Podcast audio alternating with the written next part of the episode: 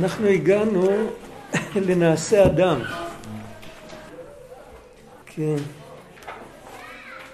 נחכה עוד דקה, אולי עוד מישהו יגיע. נחכה עוד דקה, אולי עוד מישהו יגיע. זה יותר מדי מדויק. טוב, הנה מישהו הגיע, בואו חיכינו, מישהו הגיע. ויאמר אלוהים, נעשה אדם בצלמנו כדמותנו וירדו בדגת הים ובעוף השמיים ובבהמה ובכל הארץ ובכל הרמס הרומס על הארץ. ערב טוב. צריך לשים לב כמה דברים בפסוק. ויאמר זה לשון יחיד, לא ויאמרו. אלוקים, מבחינה דקדוקית טהורה, זה לשון רבים. נעשה זה לשון רבים, וכל ההמשך בלשון רבים, בצלמנו כדמותנו.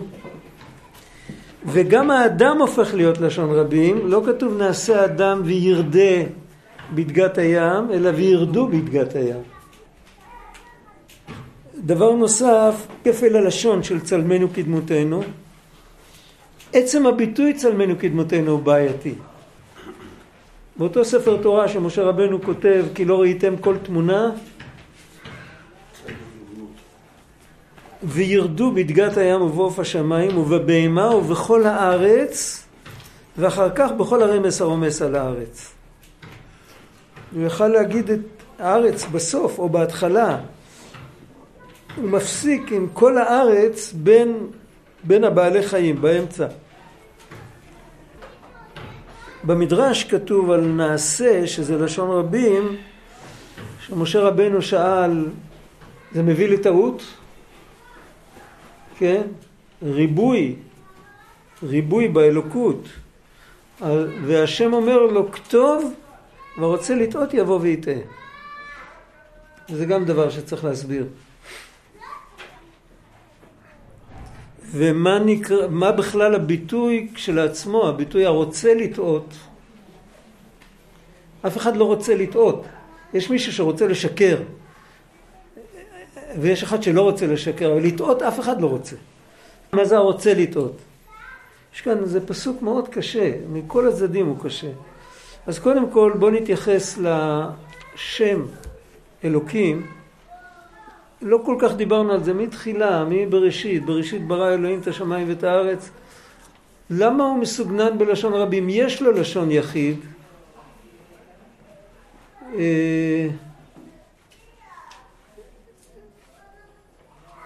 אלוה, זה הלשון יחיד של האלוקים. למה משתמשים בו תמיד בלשון רבים? והנטייה הדקדוקית שלו היא 99.9 זה בלשון יחיד.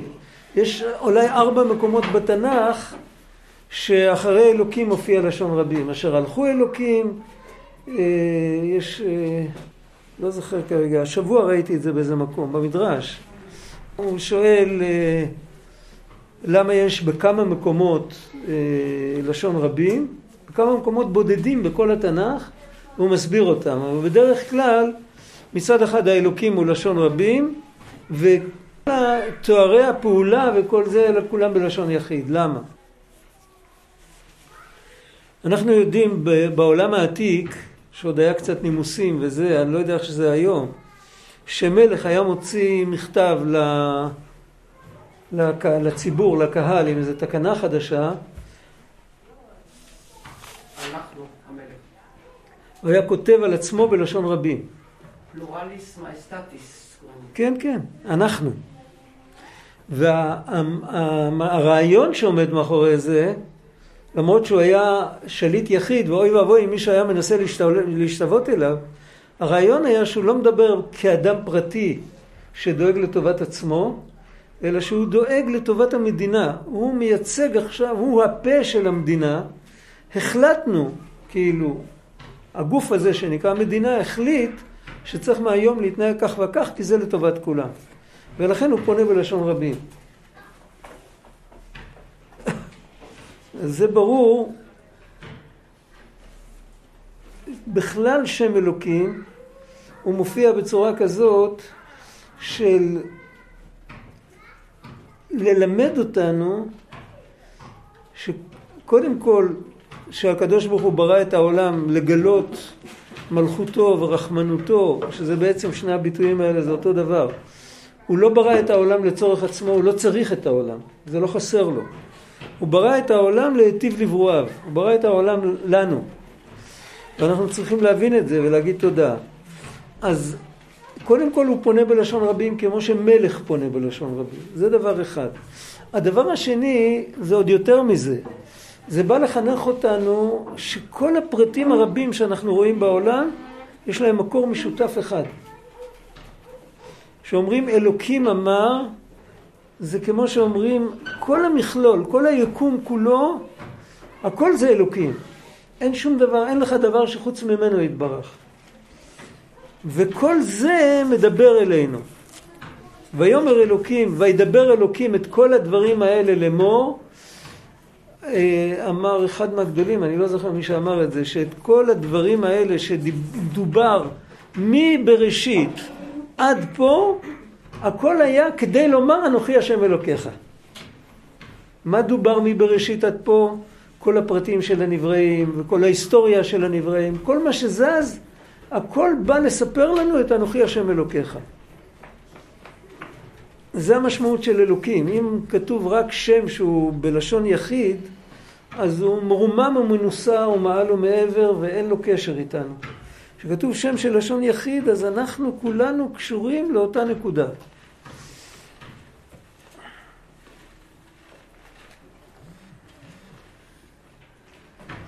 אפשר לראות גם בגוף שלנו, בלי עיניים קשה ללכת. נכון?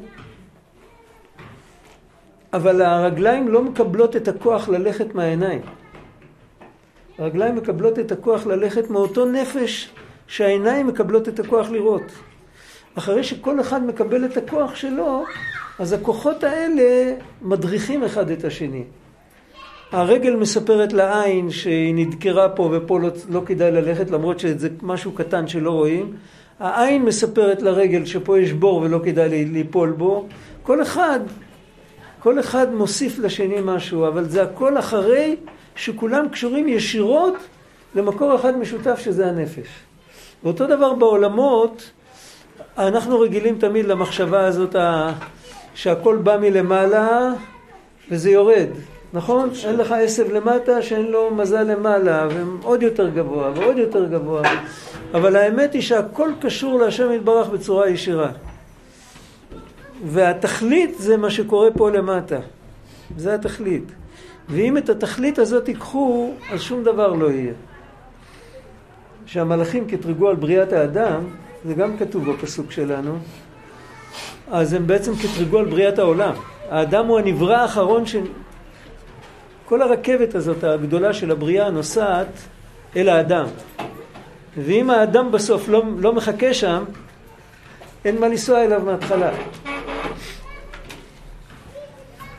המלאכים לא היו נבראים.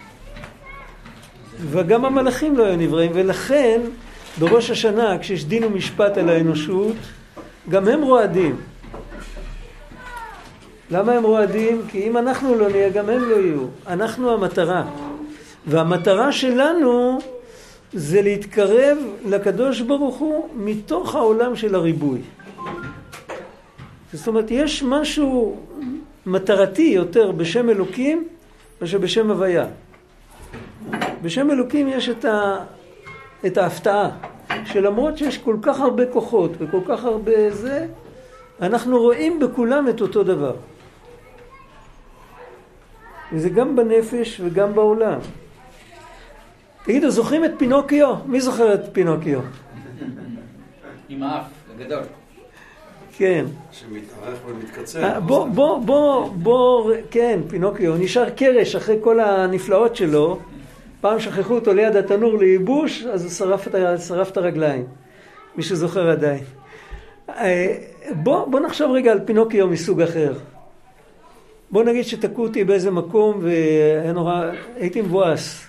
מי שזוכר את השומרי טלפון של... אה, אתה זוכר מהצבא? באיזה שנים שירתת? הוא צעיר, הוא צעיר. אתה עוד צעיר. לפני ששת הימים. היה מושג כזה בצבא של שומר טלפון. זקיף. היית תקוע באיזה מקום, וזה היה כאילו... עכשיו, מישהו ריחם על המסכן הזה, ותקע לו שם ראי. והראי אה, נותן תחושה שיש עוד מישהו איתי. פה מתחיל הקטע הבדיוני. הבחור בראי קפץ החוצה מהראי, כמו פינוקיו.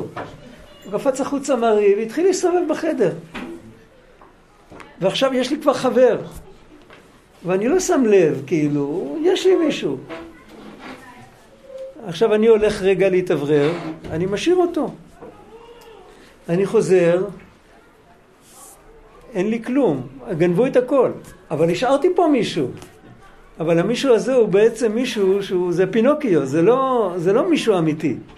זה מישהו שהוא רק השתקפות, הוא רק בתוך הראי, והוא לא אמיתי, אני לא יכול לסמוך עליו. אותו דבר יכול להיות גם פונטית. אם בן אדם לא מסוגל לשמוע, הוא במקום לשמוע את הקולות, הוא שומע רק את ההד. אז הוא ילך לכיוון הלא נכון. תאורטית יכול להיות חיסרון כזה. לא יודע אם זה למעשה יש דבר כזה. ילד קטן יכול להתבלבל אם אבא שלו עומד מול ראי, יכול להתבלבל ולגשת, לדפוק את המצח בזכוכית.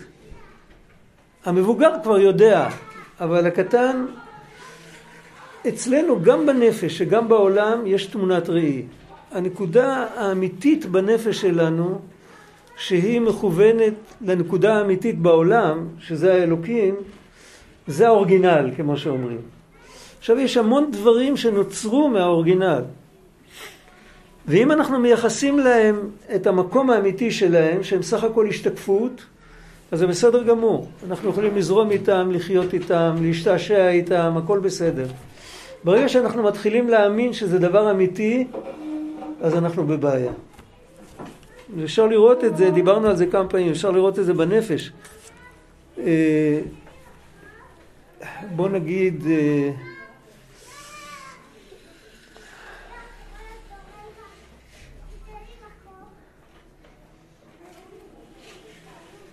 יש מישהו שהוא עצלן, יש לו מידה רעה, במרכאות, כן? הוא עצלן. יש מישהו שהוא פזיז, יש מישהו שהוא היפראקטיבי, יש מישהו שהוא כועס הרבה, יש, יש כל מיני. עכשיו, לכל דבר כזה יש שורש. מה שאנחנו רואים, הכעס והעצלות, זה הכל השתקפויות. אז זה השתקפות לא, איך אומרים, יש מקום, קוראים לזה אולם הצחוק. מוכר? יש שם ראי, יש שם כל מיני ראיים שליטשו את הזכוכית בצורה לא נכונה. ואז אתה עומד מול הראי, רגע אחד אתה נראה ככה, כזה מלמעלה עד למטה שלוש מטר, ורגע אחד אתה נראה ככה ואתה כזה קטן. מוכר הדברים האלה. כל המידות שאצלנו לא נכונות, כמו כעס, כמו גאווה, כמו חמדנות, כמו שקר, רצון לשקר, שקר זה כבר פעילות. כל הדברים האלה הם השתקפויות של דברים אמיתיים שנמצאים בפנים. לכל דבר כזה יש את הרלוונטיות שלו. מתי הוא נחוץ, מתי הוא צריך.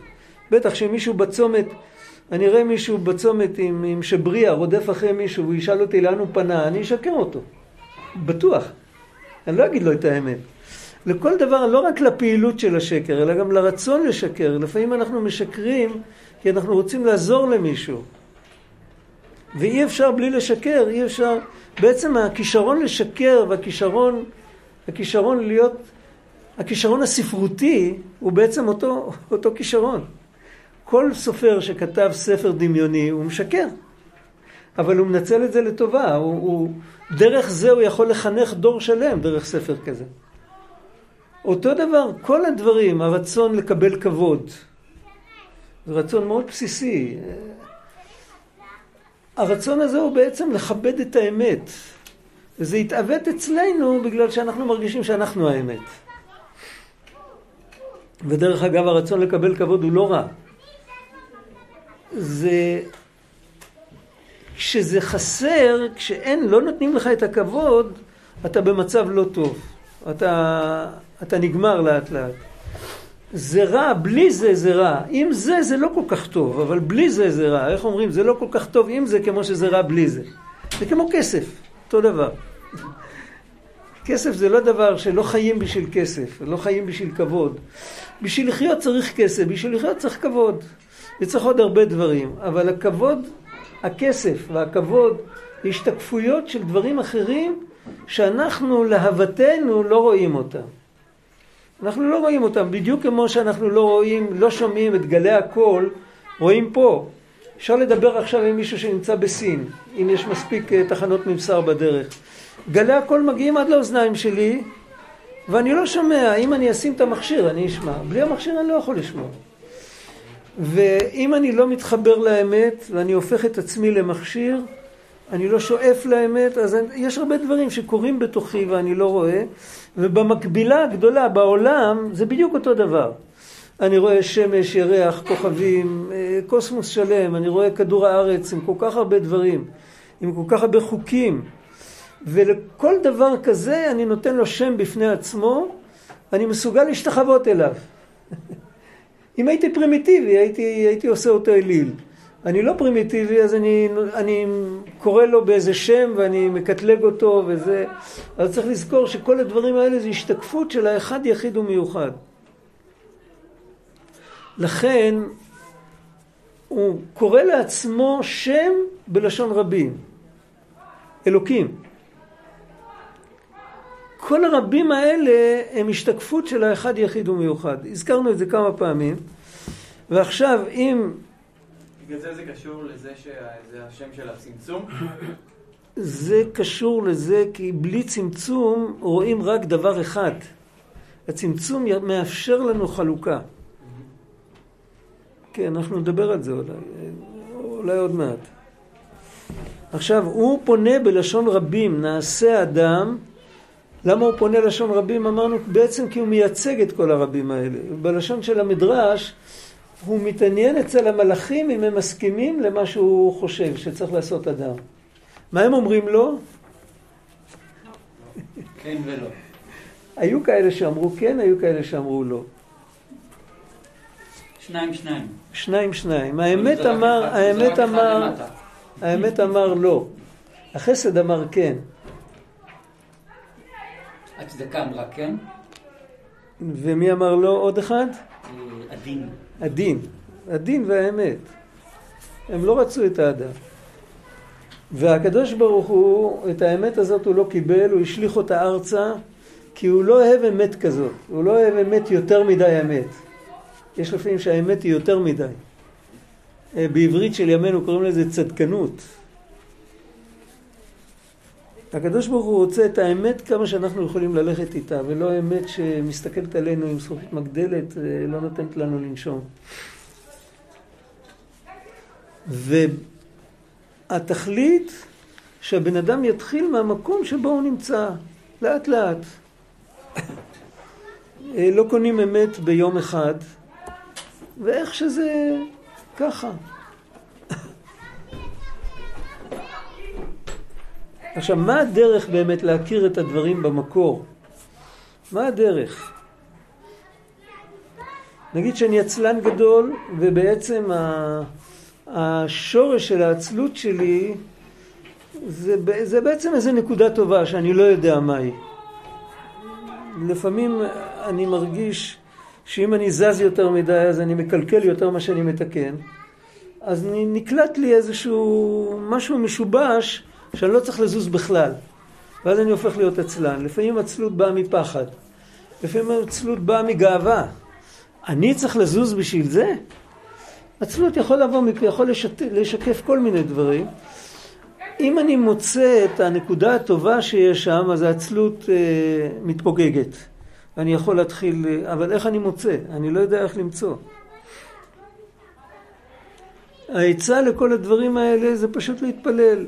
להתפלל, למצוא את הנקודת, את, את עקב אכילס, את הנקודה הקשה, להתפלל, ואז הקדוש ברוך הוא שולח את הגורם המזמן, פתאום אני רואה משהו דומה על מישהו אחר, על עצמנו אנחנו לא מבינים. אני רואה משהו דומה על מישהו אחר ואני קולט בדיוק מה הוא צריך לעשות ואז אני נזכר שבעצם זה, בעצם הראו לי את הראי של עצמי.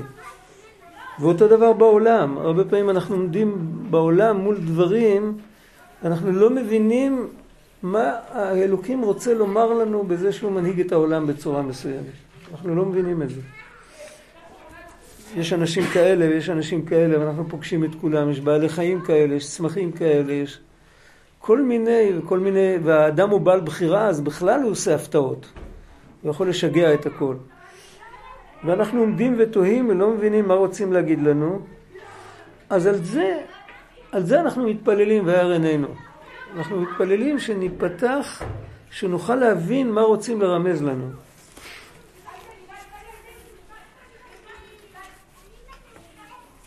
ואיך האדם, מהו, מהו האדם הזה? למה קוראים לאדם אדם? אדמה. כולם אומרים אדמה. דם. דם, דם, דום, אדמה לעליון. כולם אומרים אדמה בגלל שכתוב כי עפר אתה ואל עפר תשוב, אבל שם לא מוזכר אדם. אדם זה באמת אדמה לעליון, אדמה זה הטריטוריה של האדם. כשאני קונה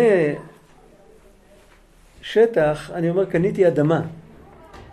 אני לא אומר קניתי ארץ, אני אומר קניתי אדמה. הטריטוריה של האדם זה האדמה. איפה שזה לא הטריטוריה שלו, זה יכול להיות ארץ, תבל, כל מיני שמות אחרים. אדם זה לשון הדמה לעליון. מה פירוש להיות דומה למשהו? מה המשמעות של להיות דומה? להיות דומה זה לא להיות שווה. האדם לא יכול להיות שווה לעליון. הוא צריך להיות דומה, לא, ל- לא ללכת בדרך הפוכה. איך אמרו חז"ל? מה הוא רחום? אף אתה תהיה רחום. מה הוא אה, חנון? אף אתה תהיה חנון. לא ל... דמיון, שני דברים דומים. יש בעברית, יש ביטוי אה, ניגוד משווע. זוכרים ביטוי כזה? מה זה ניגוד משווע? מה, למי הוא משווע? כשאני רואה, נגיד פה אני רואה איזה ארמון וליד זה אני רואה איזה חושה של איזה מסכן, אני אומר זה ניגוד משווע. הניגוד הוא משווע, כן? והדמיון הוא דומם. בשביל זה יש קשר בין המילה דמיון למילה דומם. וזה נקרא, אה, בחז"ל זה נקרא, כמו שאומרים, שהעולם לא, לא יבכה עלינו, שהעולם לא יזמין אותנו לדין, שאנחנו לא נתנהג בצורה כזאת שהניגוד שאנחנו מקרינים או הולכים איתו, שהוא לא יהפוך להיות ניגוד משווע. אנחנו צריכים להיות דומים, הד- הדמה לעליון. איך שהוא מתנהג אנחנו צריכים להתנהג, לא להתנהג הפוך. וזה המשמעות של צלם ודמות. עוד פעם, דמות ואדם זה כמעט אותה מילה. דמיון. והצלם זה הריגה של כוחות, הזכרנו את הצלם פעם, נכון? מה זה הצלם? זוכרים מה זה הצלם? דיברנו על הצלם פעם, פעם, פעם, אבל הרבה אנשים התחלפו מאז. היום אנחנו קוראים צלם לפסל. צילום, תמונה. בקבלה צלם זה מין מתאם מנטלי בין הנשמה לבין העולם. תחשבו על נשמה שירדה לעולם לפני אלף שנים. עכשיו היא צריכה לרדת לעולם עוד פעם. אז זה היה עולם אחר. היום היא צריכה למצוא עולם אחר לגמרי. היא צריכה איזה מתאם עם העולם. זה לא הגוף. זה מתאם מנטלי. זה סוד הצלם. את הצלם הזה האדם מקבל כדי שיהיה לו בחירה. אם הוא יבוא לעולם ולא יהיה לו שום קשר עם העולם, אם הוא יבוא, יורידו נשמה שהייתה פה פעם ועכשיו יורידו אותה לפה, פתאום תראה רכבות זזות וכל מיני דברים כאלה ומטוסים ו... היא לא תבין איפה היא נמצאת. תחשוב שהיא נמצאת באיזה סרט בלהות, זה באמת סרט בלהות, זה, זה עוד סוגיה. אז צריך לתת לה את התכונה איך להשתלב בתוך זה ולהפיק מזה את הדבר הטוב ביותר. זה העניין של הצלם. והצלם הזה הוא באיזשהו מקום, הוא מרמז על הכל יכול של השם יתברך. ועל השם יתברך כתוב אין קדוש כהשם,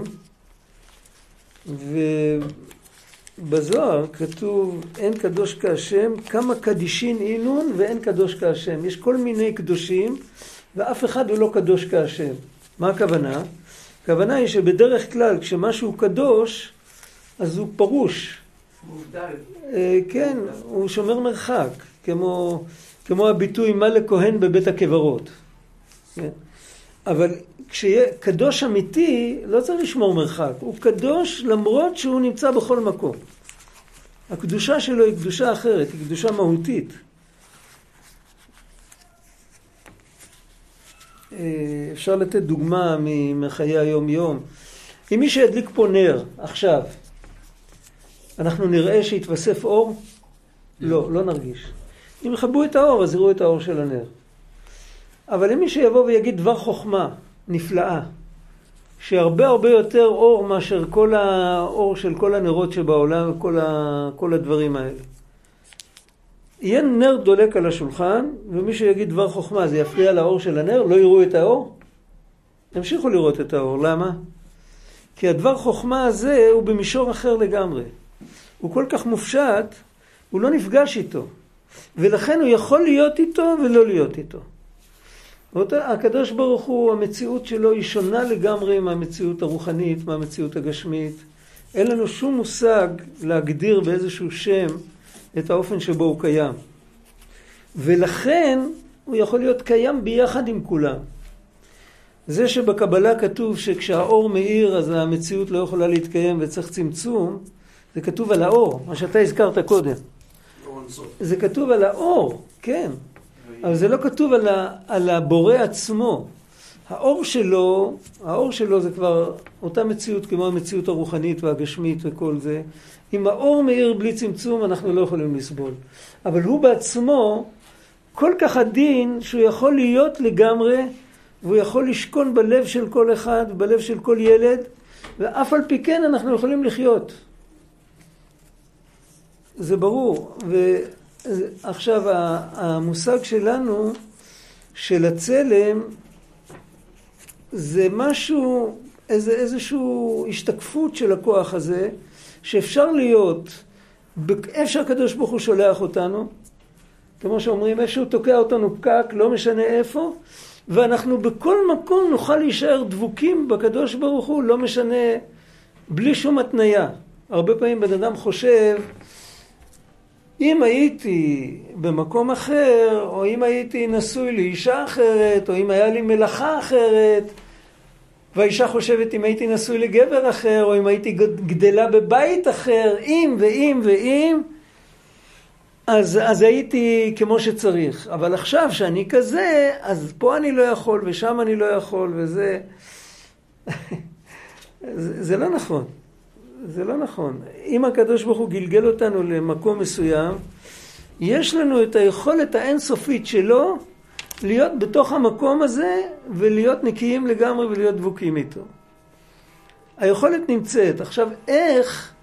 אז כמו שאמרנו קודם, כל אחד צריך לראות את הקשיים שלו ולראות את הקושי המרכזי, ואז אה, להתפלל שזה יהיה בצורה כזאת שהוא יוכל לעמוד בזה לאט לאט.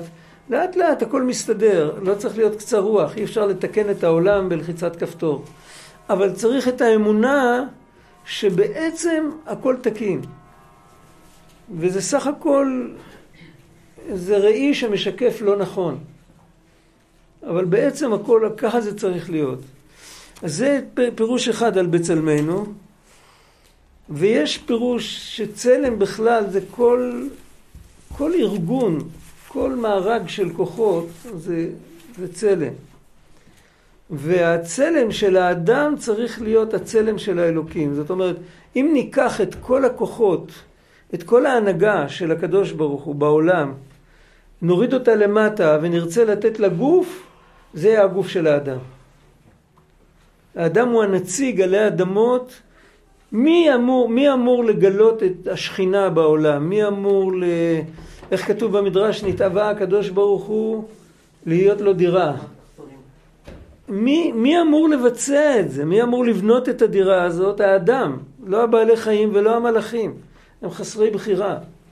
והאדם יכול, יש לאדם את הכוח האינסופי הזה. האדם הוא, הוא, הוא שלוחה של כוח האינסוף. עוד יותר זה כתוב בצורה הרבה יותר בולטת בזוהר, בהקדמה. כתוב לנטוע השמיים וליסוד ארץ ולומר, ולומר, לאמור לציון עמי אתה שני החלקים של, של הפסוק, הם לא מובנים מה הקשר, כאילו, לנטוע שמיים וליסוד ארץ זה הסוד של הבריאה. זה שבחרו בעם ישראל זה לא קשור, כאילו. אז מה זה, למה זה כתוב ביחד? אומר הזוהר, אל תקרא עמי אלא עמי. לאמור לציון עמי אתה, אתה איתי. מה ענה עבדה שמיה וערעה במילולי, אף את כן. אני עשיתי את שמיים ואת הארץ בדיבור שלי, גם אתה יכול. ככה הקדוש ברוך הוא אומר לכל יהודי, למה? כי את... בבריאה ראינו, לא גמרנו, ל... לא גמרנו ל... ל...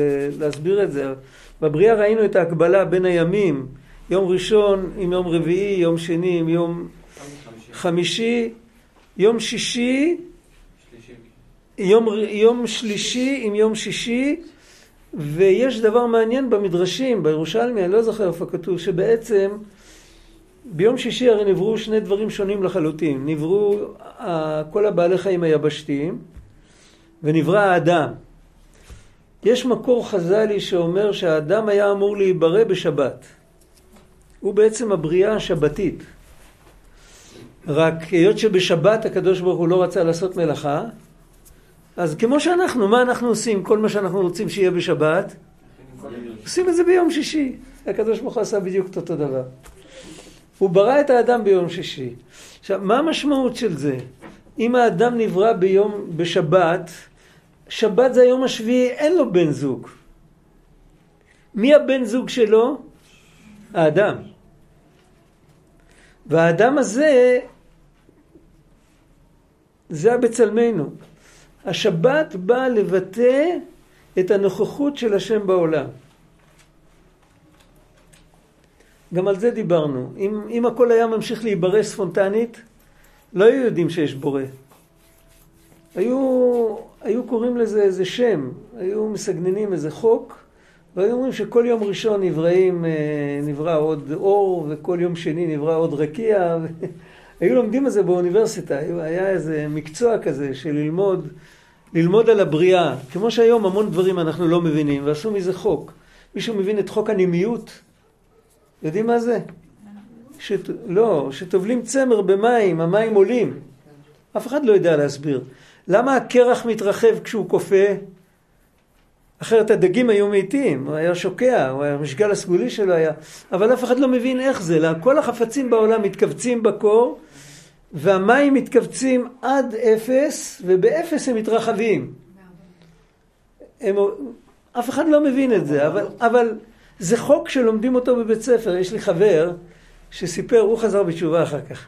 סיפר שהיה בבית ספר בגיל 15, המורה לטבע אמר להם, אה, אותי תשאלו איך, אל תשאלו למה, כי למה אף אחד לא יודע. זהו. אז אם, אם הבריאה הייתה ממשיכה להיברא, לא היה שובת בשבת, אז היינו, זה היה טבע. עכשיו, שהכל נמצא וזה לא ממשיך להיברא, זה עושה לנו סימן שאלה. מה זה הדבר הזה? אם זה נמצא, זה נברא אי פעם, זה הופיע. ולמה עכשיו לא מופיעים דברים כאלה? אז פה אנחנו כבר עומדים מול רצון, מול... זה השבת. השבת באה לגלות את הבורא, שלא יוכלו להלביש עליו איזה, איזה תזה, איזה משהו. אני פועל ברצון. מי עוד פועל ברצון חוץ מהבורא? מי עוד פועל ברצון חוץ מהבורא? האדם. האחרים הם רובוטים. הם, uh, הטבע שלהם והפעילות שלהם זה היינו הך. וגם המלאכים. והאדם, זה הבצלמנו, יש לו את הכוח של הבורא לבחור, להנהיג. הוא רק צריך לשמור על זה לזכור את מה שדיברנו בהתחלה, בהתחלה. דיבר, איך התחלנו היום? זוכרים את פינוקיו? ואת הבחור בתוך, ה, בתוך הראי? רבי נתן אומר את זה בליקוטי ההלכות. הוא מדבר, על, הוא מדבר גם על הד, על הד יחסית לכל. בכל שלושת הדברים האלה, האדם צריך להיזהר לא לייחס לעצמו, הוא לא המקור, הוא רק השתקפות. אם הוא זוכר שהוא השתקפות, אז דרכו עוברת הנהגה אלוקית, והוא באמת משדר את כוח האינסוף. ועליו נאמר בזוהר, מה אני, כמו שאני עשיתי שמיים וארץ בדיבורי, גם אתה יכול. זה פלא. זה לא, זה לא אומר שיש בני אדם שיכולים לברור, כן? אבל הכוח הזה של להביא את הבריאה לתכלית, נמצא אצל האדם. להביא את הבריאה לתכלית זה לפעול בתוך הבריאה שהיא תרגיש את כוח האינסוף. שהיא לא סתם, כאילו, זה לא, איך אומרים, קרה איזה פיצוץ ונהיה כל מיני דברים. זה כמו, איך מתארים את בריאת העולם? כמו, כמו אקדח זיקוקים. ממש כמו שמתארים אקדח זיקוקים. באקדח זיקוקים זה מתוכנן. אם אתה רואה שם משהו נפלא, זה בגלל שבתוך ה, הזיקוק כבר תכננו את זה. זה לא קורה ככה. אבל זה כאילו כזה מין... הבורא יש לו רצון חופשי, והנברא שיש לו רצון חופשי זה האדם. אצל עובדי עבודה זרה, להבדיל, אז גם, גם האדם אין לו, מי שמכיר עבודה זרה לעומק, מי שלא מכיר תבוא עליו ברכה, אבל אה, מי שמכיר את זה, אז גם לאדם אין בחירה, זה מוכר. האדם לא בוחר, כאילו. והאדם לא בוחר, אלא אם כן הוא עבר התפתחות מיוחדת, אז הוא מתחיל לבחור. וגם הבורא לא בוחר, הכל, הכל מחויב, הכל מחויב. התורה מתנגדת להשקפה הזו. זה המושג של בצלמנו. בצלמנו כדמותנו. לפחות תנסה להיות דומה, אתה לא יכול להיות שווה, אבל תנסה להיות דומה. שלא יהיה ניגוד, ניגוד משווע בין האדם לבין האלוקים. האלוקים הרי לא מקבל מאף אחד, הוא תמיד רק נותן. האדם צריך להשתדל לתת יותר ממה שהוא מקבל, כמה שזה אפשרי, כן, אבל המטרה של החיים שלו זה לתת, זה לא לקבל. לקבל זה כמו חור שחור. מכירים באסטרונומיה חור שחור? הוא בולע את הכל, אפילו קרני אור הוא לא מחזיר. זה נקרא בלשון חז"ל, יתוש מכניס ואינו מוציא. ויתוש זה אותיות ישות. אדם שהוא נגוע בישות ובגאווה, הוא רק בולע, הוא רק רוצה שיתייחסו אליו וכל זה, והוא לא יכול לתת. וזה הפך מדמותנו. ואז הוא ירדו בדגת הים ובעוף השמיים. מה זה לרדות? מכירים את הפועל הזה לרדות?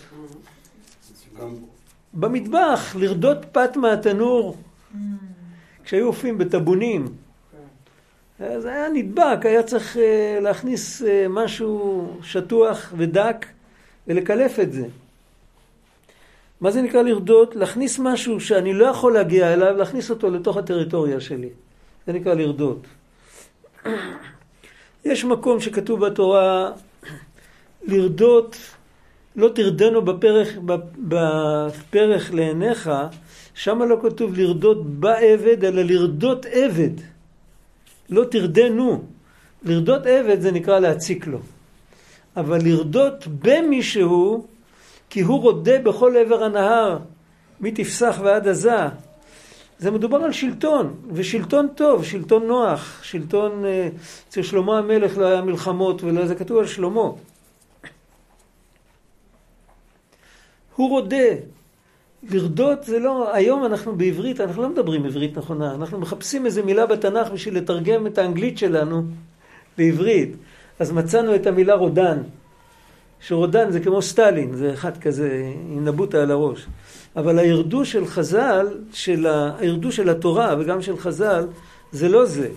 זה להיות נוגע ואינו נוגע. הבן אדם, לא נתנו לו את הבעלי חיים לרשותו כדי שיהיה רודן. יש לו עליהם איזה, איזושהי השפעה. הם בתוך תחום ההשפעה שלו, ולא לא כולם, חלקית. ואיך כתוב שם, תן דעתך שלא תחריב את עולמי. צריך לזכור את זה. ואחר כך הוא אומר, בכל הארץ, ואחרי שהוא סוגר את בכל הארץ, כאילו נגמר המשפט, אז הוא מזכיר גם את כל הרמס הרומס על הארץ, כי עליהם אנחנו לגמרי לא שולטים. רק בן אדם יכול לדאוג שאיפה שהוא הולך לישון, שלא, שלא ירחשו מתחת לאוזן שלו כל מיני כאלה, חבר'ה כאלה, אבל אין לו שליטה בגדול, הוא לא מנהיג אותם אפילו, הוא לא מנווט את החיים שלהם. יש לו שליטה מאוד חלקית. כשבן אדם רוצה שליטה טוטאלית על דבר שנתנו לו שליטה חלקית, אז הוא בדרך כלל לא משיג את השליטה הטוטאלית, הוא מאבד את השליטה החלקית. זה, אפשר לדבר על זה הרבה, אבל זה לא... אתם תמצאו את זה לבד. בהרבה דברים זה ככה, גם בגוף שלנו, גם בסביבה. בחז"ל יש את המשל, המשל הידוע, על החמור שביקש קרניים. זוכרים את המשל? אז הורידו לו את האוזניים. זה משל. מה חסר לך קרניים? חמור לא צריך קרניים. אבל הוא ביקש קרניים, אז אמרו לו, אתה רוצה קרניים גם כן, ניקח, גם את האוזניים ניקח לך. בן אדם שרוצה יותר ממה שהוא צריך, בסוף הוא נשאר עם כלום. זה כמו בן אדם שמרים משקל יותר מדי כבד, אז הוא גם חוטף שבר וגם ה, החפץ נופל מהידיים שלו. זה משל שכתוב בליקוטי מאורן. תפוס כפי יכולתך, זה עיוות. הרב גד, אני לא יודע אם תרצה להאריך בזה, אבל העניין של הלבנה תתרגע. הקטרוג? אז למדנו על זה. כן, למדנו על זה, אבל פה היא אמרה, זה כביכול נשמע מה שאתה אומר. שהיא רצתה כן, יותר... כן, היא רצתה יותר והיא קיבלה פחות, נכון, נכון, נכון. אבל דיברנו על זה, כן, היא אמרה שהיא אמרה דבר הגון כי אובייקטיבית זה הגון. אתה מבין אותי? בוא, בוא אני אסביר לך משהו. אני קצת עייף היום, אני לא ברור, אבל uh, תסלחו לי. תראה, כשבן אדם בא ומבקש uh, דברים ששייכים אליו, אז נותנים לו. כשבן אדם מבקש דבר שלא שייך אליו, אז יכול להיות בזה שני אופנים. יכול להיות שהוא רוצה כמו שאליהו הנביא עומד בכרמל, בהר הכרמל, ואומר, ענני השם, ענני, איך כתוב שם בהמשך? וידעו, אה, איך כתוב? כי אתה הוא האלוקים, ואתה הסיבות את ליבם אחורנית. מה הוא ביקש? הוא ביקש נס. אסור לבקש נס. זה הרי דוגמה ממש, דוגמה ששללנו אותה כרגע. החמור מבקש קרניים, אליהו הנביא מבקש, הוא שפך מים על המזבח, הוא רוצה שתרד עד מן השמיים ותלחך את המים. איך מבקשים דבר כזה? מה, אז מה הוא אומר? אני באמת מבקש דבר גבוה ודבר עמוק. לבקש שהאש תלחך את המים זה לבקש את החיבור של כל חלקי הטבע. את החיבור, את הנקודה המשותפת שעומדת מאחורי כל הניגודים, שם גם מים יכולים לבעור. אבל למה אני מבקש את זה? אני מבקש שידעו שאתה הוא אלוקים לבדיך ואתה הסיבות את ליבם. אין לי בזה אינטרס. אני לא מבקש להירשם בהיסטוריה כעושה נפלאות, אני לא גובה על זה ממון וכבוד וכלום. אני רוצה שאתה תתגלה, אני רוצה בשבילך. אז יש דבר כזה שבן אדם בא ומבקש דברים שלא מגיעים לו, אבל אם זה ללא אינטרסים, הוא יכול לקבל את זה. לכן זה באמת דבר הגון, זה ברור? אבל לא כל אחד שאומר דבר הגון, זה הגון מצידו שהוא אומר את זה, הוא לא מחזיק במדרגה הזאת. הדבר עצמו הוא הגון, אם מישהו אחר היה אומר את זה, סיפורי מעשיות כתוב כמה פעמים, שמה שאתם אומרים זה נכון, אבל אם הייתם אומרים את זה בלי פה שטוי, הייתי מסכים איתכם. זאת אומרת, אתה מדבר מאלכוהול, אתה לא מדבר ממקום אמיתי. את אותו דבר, אם מישהו היה אומר מעומק הלב, הייתי מקבל. אז זה הנקודה. כשמגיעים למקומות מאוד עדינים, מאוד זה, שם צריך, איך כתוב בתורה, של נעליך מעל רגליך, כי המקום שאתה עומד עליו, אדמת קודש הוא. נגב רגליים, תבוא נקי. אבל אם בן אדם מבקש את מה שהוא צריך, אז נותנים לו, כי, כי מה... כאילו, הוא לא יכול להסתדר בלי זה. אדרבה, כדי להיות נקי הוא צריך. אבל מותר לבקש פרנסה, ישועה, הכל. הבן אדם מבקש כוחות עליונים, הוא מבקש להיות כמו השמש, כאילו הירח מבקש להיות כמו השמש. ההשתקפות רוצה להיות המקור. בסדר, אם אתה אומר את זה לא בשבילך, אז זה בסדר גמור. על זה צריך לדבר, אבל זה לא שייך כל כך לכאן.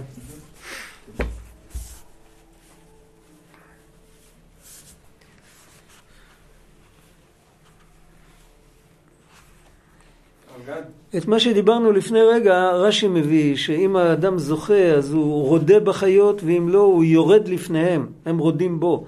מה אמרת? אז בעצם לרדות זה לקחת את כל החיות ו... לרדות, לרדות זה להכניס אותם לתחום השלטון של האדם. עכשיו, יש חיות שאתה לא משתמש בהן, אבל ברגע שאתה קובע לעצמך טריטוריה, אז הן מפסיקות להגיע.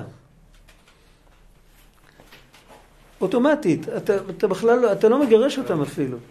אני זוכר שהיינו חדשים ביישוב, יודעים מה זה סימון טריטוריה של צבעים? כל ההר היה מלא צבעים. עכשיו, הזכרים, יש להם בלוטות ריח בקרניים. אז הם משתפשפים בגזעים של עצים, משאירים שם את הריח, כדי שזכר אחר ידע שיש פה כבר איזה בעל הבית על האזור שלא יתקרב. זה למנוע מלחמות, כן. זה פצ'ולי קוראים לזה, לא? זה, זה סימון טריטוריה, כך קוראים לזה הזואולוגים. אז הם היו באים, אנחנו נתנו נטיות. הם היו משתפשפים בנטיות, הם היו מקלפים את, ה, את הקליפה מהשפשוף. הם שפשפו יותר מדי. זה היה נטיות רכות, הקליפה עוד הייתה רכה. עכשיו עץ שאתה מוריד ממנו טבעת כזאת, אז כל הענפים יגדלו רק מלמטה. מעל זה הוא מת, כי כל צינורות ה... כל הצינורות עוברים סמוך לקליפה.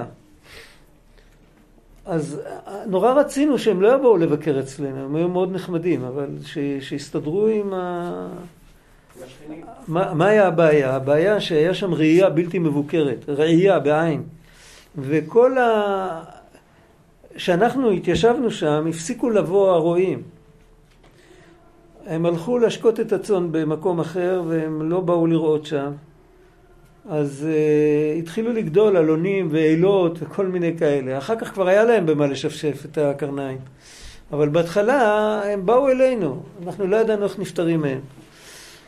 אז אמרו לנו חברים, מכפר עציון זה הרי ממש ליד, אמרו לנו חברים, תראו, פיזרנו גללים של אריות, הבאנו מאפריקה, כדי שהם יריחו ויברחו, וזה לא עזר לנו. הם חכמים יותר מאיתנו. הדבר היחיד זה רק דבר אחד, פשוט תהיו במקום. אתם תהיו, הם לא יגיעו. זה, זה, זה הטבע. חיות בר לא נמצאות איפה שבני אדם נמצאים. יש מקומות ש...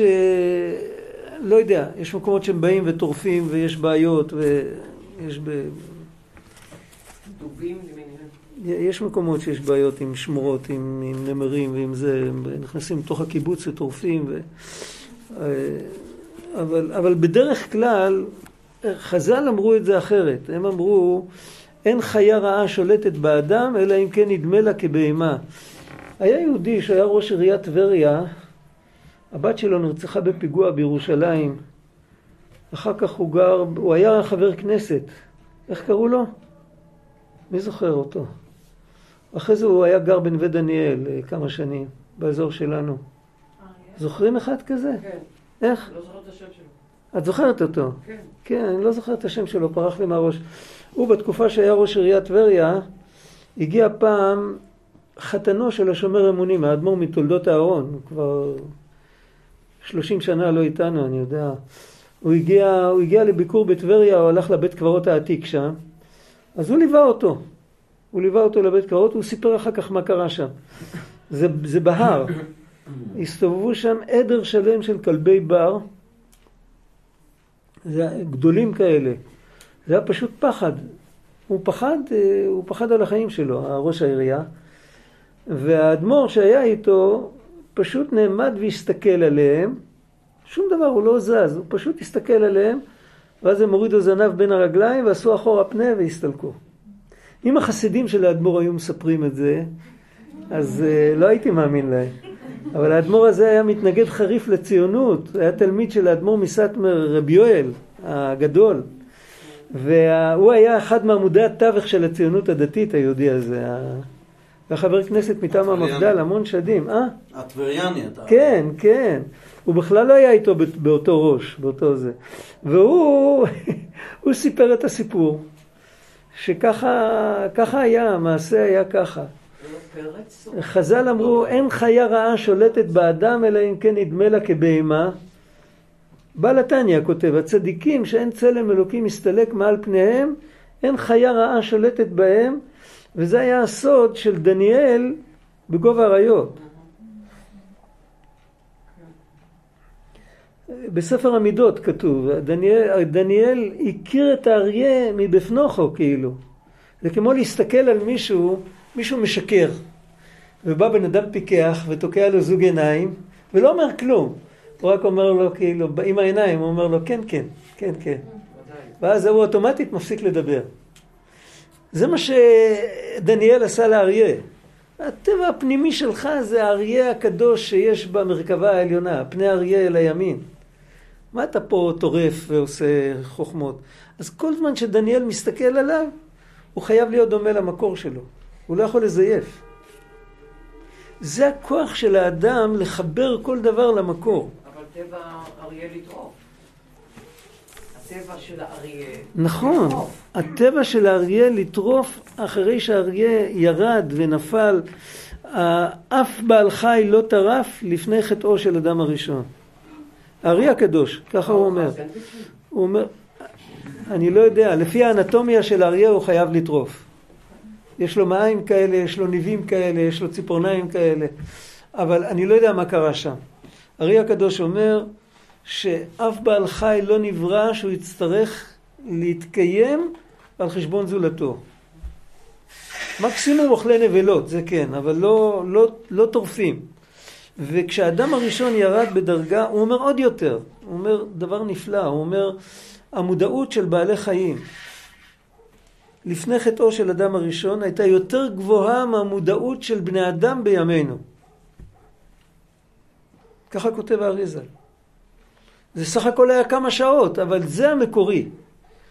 והמקורי מתאים למקורי, למלאך שנקרא פני אריה. ואיך שזה עכשיו זה הכל מעוות. והעבודה שלנו לתקן את זה, אבל בשביל, בשביל זה נותנים לנו את כל האורך של ההיסטוריה עד שזה יגיע.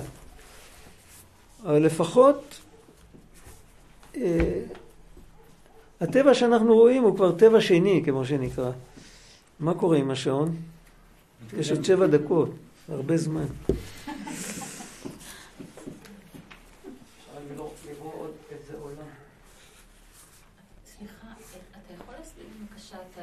ויברא אלוקים את האדם בצלמו, אני לא שמעתי. אני רוצה לשאול שאלה. אני חירש. כמעט לגמרי. צריך לצעוק בשביל שאני אשמע. בעניין של האדמל העליון. כן. אם אנחנו אמורים להיות דומים להשם, אתה יכול להסביר את העניין של האינדיבידואליות? הצורך של האדם להיות אינדיבידואל, ונגיד, נגיד בין בני זוג זה מאוד בולט. הצורך להיות שונה, להראות דרך אחרת. או מול ילדים. להיות דומה זה לא, זה לא אומר לא להיות שונה. לא, להחזיק באינדיבידואליות שלנו. כן, זה לא סתירה בכלל. העיקר שלא יהיה ניגוד משווע. אם אני אומר, אה, למשל, אם ניקח דוגמה בבנייה, כמו שאמרנו, הבאתי קודם דוגמה מהארמון עם, עם, עם הבקתה. בהלכה כתוב שהבית כנסת צריך להיות גבוה מכל בתי המקום, כאילו. זה, זה ניגוד, זה ניגוד משלים, זה לא ניגוד, אה, זה ברור. או, או נגיד שהבית של המלך הוא באמת יותר, או בית המקדש או משהו כזה. אבל אם יש ניגוד שהוא ניגוד, שכאילו כל אחד הולך לכיוון אחר, לכל אחד יש מטרה הפוכה. אם בן אדם רוצה להגדיל ולהאדיר את שמו, ולא אכפת לו לגלות את שמו של הקדוש ברוך הוא. אז זה ניגוד, זה ניגוד משווע, כמו שאומרים. וזה לא צריך שיהיה. ודאי שיש לכל אחד את האינדיבידואליות שלו, ועל זה צריך לדבר בנפרד, עוד מעט נגיע לזה. הרי אנחנו יודעים שאם אם בן אדם, דיברנו על זה רק לפני כמה שבועות, אם אני יודע היסטוריה של בן אדם, אני לא יודע כלום על החבר שלו. אצל בעלי חיים ואצל צמחים זה אחרת. יש, אה, אחד מייצג את כולם. בני אדם, כל אחד הוא עולם בפני עצמו, אבל כולם צריך להיות מרכז משותף, שהמרכז המשותף הזה צריך להתבטא דרך כל הדברים, דרך כל הניגודים. דיברנו על זה פעם, כשדיברנו על אה, איך פותחים בורג, זוכרים? בורג תפוס. ששני ידיים עושים, אתה זוכר, את זוכרת. שני ידיים עושים פעולות מנוגדות, ודווקא ככה ביחד עושים את הפרויקט. צריך עוד לדבר על זה. ויברא אלוהים את האדם בצלמו, בצלם אלוהים ברא אותו, זכר ונקבה ברא אותם.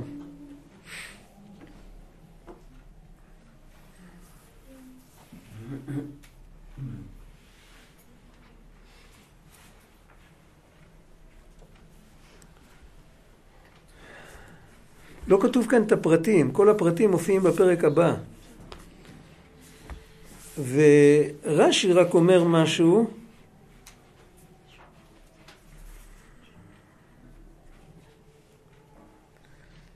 רש"י אומר קודם כל שהכל נברא במאמר והוא נברא בידיים. ידיים זה לא ידיים, גם מאמר זה לא מאמר, זה התעסקות. זה כאילו משהו פרטני, משהו כמו עבודת יד. יש פס ייצור שנותנים לחיצה על כפתור, אז uh, כאילו יוצאים מאה כאלה, ויש משהו שעושים כל אחד ביד. האדם נברא שווה ערך, כל, כל אדם הוא עולם בפני עצמו, לפיכך נברא אדם יחידי, שכל נפש היא עולם מלא. זה נקודה אחת. הנקודה השנייה, אבל כתוב זכר ונקבה ברא אותם, הוא ברא את האדם, וגם בפסוק הקודם היה לנו האדם ירדו. אז קודם כל האדם זה השם של כולנו. זה הכוונה האדם.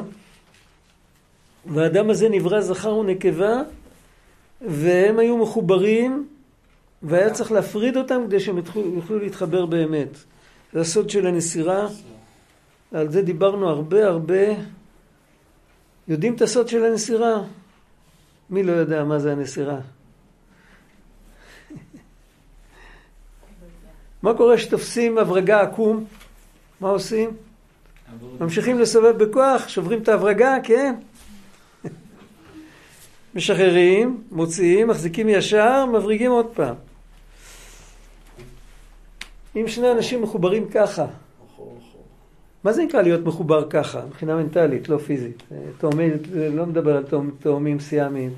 שני אנשים מחוברים ככה, אז לי יש את האינטרס שלי, לך יש את האינטרס שלך. עשינו, איך אומרים, נישואי תועלת, מה שנקרא. התחתנו לתועלת. זה ברור, מכירים את המושג הזה, נישואי תועלת. זה קורה הרבה בחיים, כאילו, אני לא אוהב אותך, אין לי איתך שום דבר, אבל... Uh, אתה טוב בזה, אם אני אתחכך איתך, אז אני גם לי אהיה קצת טוב. ואתה גם לא אוהב אותי, אבל אני טוב במשהו אחר. אם אתה תתחכך איתי, אז יהיה לך גם משהו, אז אה, אנחנו איכשהו סובלים אחד את השני. זה סוג של להיות מחובר ככה. להיות מחובר, אבל הפנים פונות כל אחד לכיוון אחר. אחור באחור. זה אחור באחור, בקבלה זה נקרא אחור באחור. ייחוד של אחור באחור. בעברית קוראים לזה טרמפיסט. אני תופס עליך טרמפ, אתה תופס עליי טרמפ. זה, זה לא אמיתי. עכשיו, פה מתואר בחז"ל, כתוב שהשם לקח את הצלע וברא את האישה. צלע בתנ"ך בדרך כלל זה צד. זה לא מה שאנחנו קוראים צלע, זה עברית יותר מאוחרת. ולצלע המשכן ימה, צלע המשכן תימנה, צלע זה צד, כמו בהנדסה. השם לקח צד והפריד אותו. הם באמת היו מחוברים ככה. עכשיו, למה הם היו מחוברים ככה? זה צריך להסביר, יש לזה שורש, השורש הוא בעולם העליון. גם בעולם העליון, המלכות והזעיר אנפין היו מחוברים ככה. ו- וזה צריך ללמוד, זה צריך להרחיב את העניין הזה. אה, רק אה, מילה אחת מה שאפשר להגיד, זה יכול לקרות בכל כיתה, כל כיתת לימוד. מכיתה א' עד סוף האוניברסיטה, שפתאום בן אדם מזלזל במורה שלו. וכשהוא מזלזל במורה שלו, הוא לא מקשיב לו. ואפילו אם הוא מקשיב לו, הוא לא זוכר מה שהוא סיפר לו, כי, כי אין ערך. כשאין ערך, אז אין זיכרון. דבר שהוא לא חשוב, לא זוכרים. וזה נקרא שהם מחוברים ככה. אני יושב פה בכיתה כי אין לי ברירה, אני צריך לקבל את התעודה בסוף השנה, אז אני יושב פה. והדרך זה לגרום רתיעה אצל התלמיד. איך מרתיעים תלמיד? פתאום מתחילים לדבר על משהו שגורם לתלמיד לעשות מין, איך אומרים, עשרה צעדים אחורה. כאילו, מה? פתאום הוא רואה שיש פה איזה משהו מעל ומעבר של החוכמה שלו, ואז יכול להיות שהוא לא מבין הרבה, אבל בגלל שהלך אחורה עכשיו הוא כבר יכול להתחבר יותר נכון. זה נסירה בין בני אדם. זה אפשר להבין לגמרי. נסירה בכוחות עליונים זה קצת למעלה מהתפיסה שלנו, אבל זה גם על דרך זה. כתוב בזוהר שהמלכות הייתה מחוברת עם המידות אחור באחור, זאת אומרת שהיא קיבלה מהם רק את החיצוניות, לא בגלל שהיא זלזלה בהם, אבל המלכות, החיצוניות שלה זה דרך הטבע. וכשהיא מקבלת רק מהחיצוניות, אז יש לה רק חיצוניות. אז היא מקרינה אלינו רק את דרך הטבע. ברגע שהתגלה החסד, החסד עשה את הנסירה, החסד זה עסקים כאילו. החסד מתגלה, ואז מתגלה הפנימיות, וכשפנימיות מתגלה, אז המלכות נרתעת לאחורה והיא מסתובבת עם הפנים. יש פה משהו שצריך לקבל אותו, ואז נוצר אצלה איזה משקל כובד של פנימיות, שגם זה יכול להתלבש בעולם, וזה נותן לנו את האפשרות של הבחירה. או להסתכל על החיצוניות, או להסתכל על הפנימיות. או להסתכל על ההשתקפות כאילו על אמת, זה בא מהחיצוניות, זה הסתכלות חיצונית, או להסתכל על ההשתקפות כעל השתקפות. ואז זה מאפשר לנו, זה משאיר לנו מרווח לחשוב גם שיש משהו עמוק יותר. זה הסוד של הנסירה למעלה. יש סוד של נסירה בראש השנה. אה, זה ארוך, זה כבר אין הזמן עכשיו, אבל כל ראש השנה נמשך למלכות פנימיות יותר עליונה. שימו לב, העולם עולה בדרגה כל הזמן, למרות שבחיצוניות אנחנו רואים שהוא יורד. אבל כל, ה, כל מה שלא נכון, אחר כך הנשמות מתקנות את זה באיזשהו אופן. זה לא בממד שלנו. אה? למלכות אין לה משלה דבר. המלכות אין לה משלה, אבל יש לה, היא מעבירה את מה שהיא מקבלת. אבל אם היא מקבלת רק מחיצוניות, אז היא מתרגמת את זה למוחות שלנו בצורה כזאת שאין לנו גישה לפנימיות. אם המלכות הייתה מקבלת רק מהחיצוניות, אפילו ל...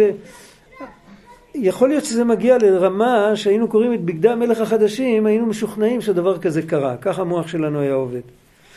היכולת שלנו לתרגם את זה למחאה חברתית, בוא נגיד, כן? היכולת שלנו זה כבר יכולת לעשות את הסימולציה, לראות בחיצוניות משהו פנימי יותר.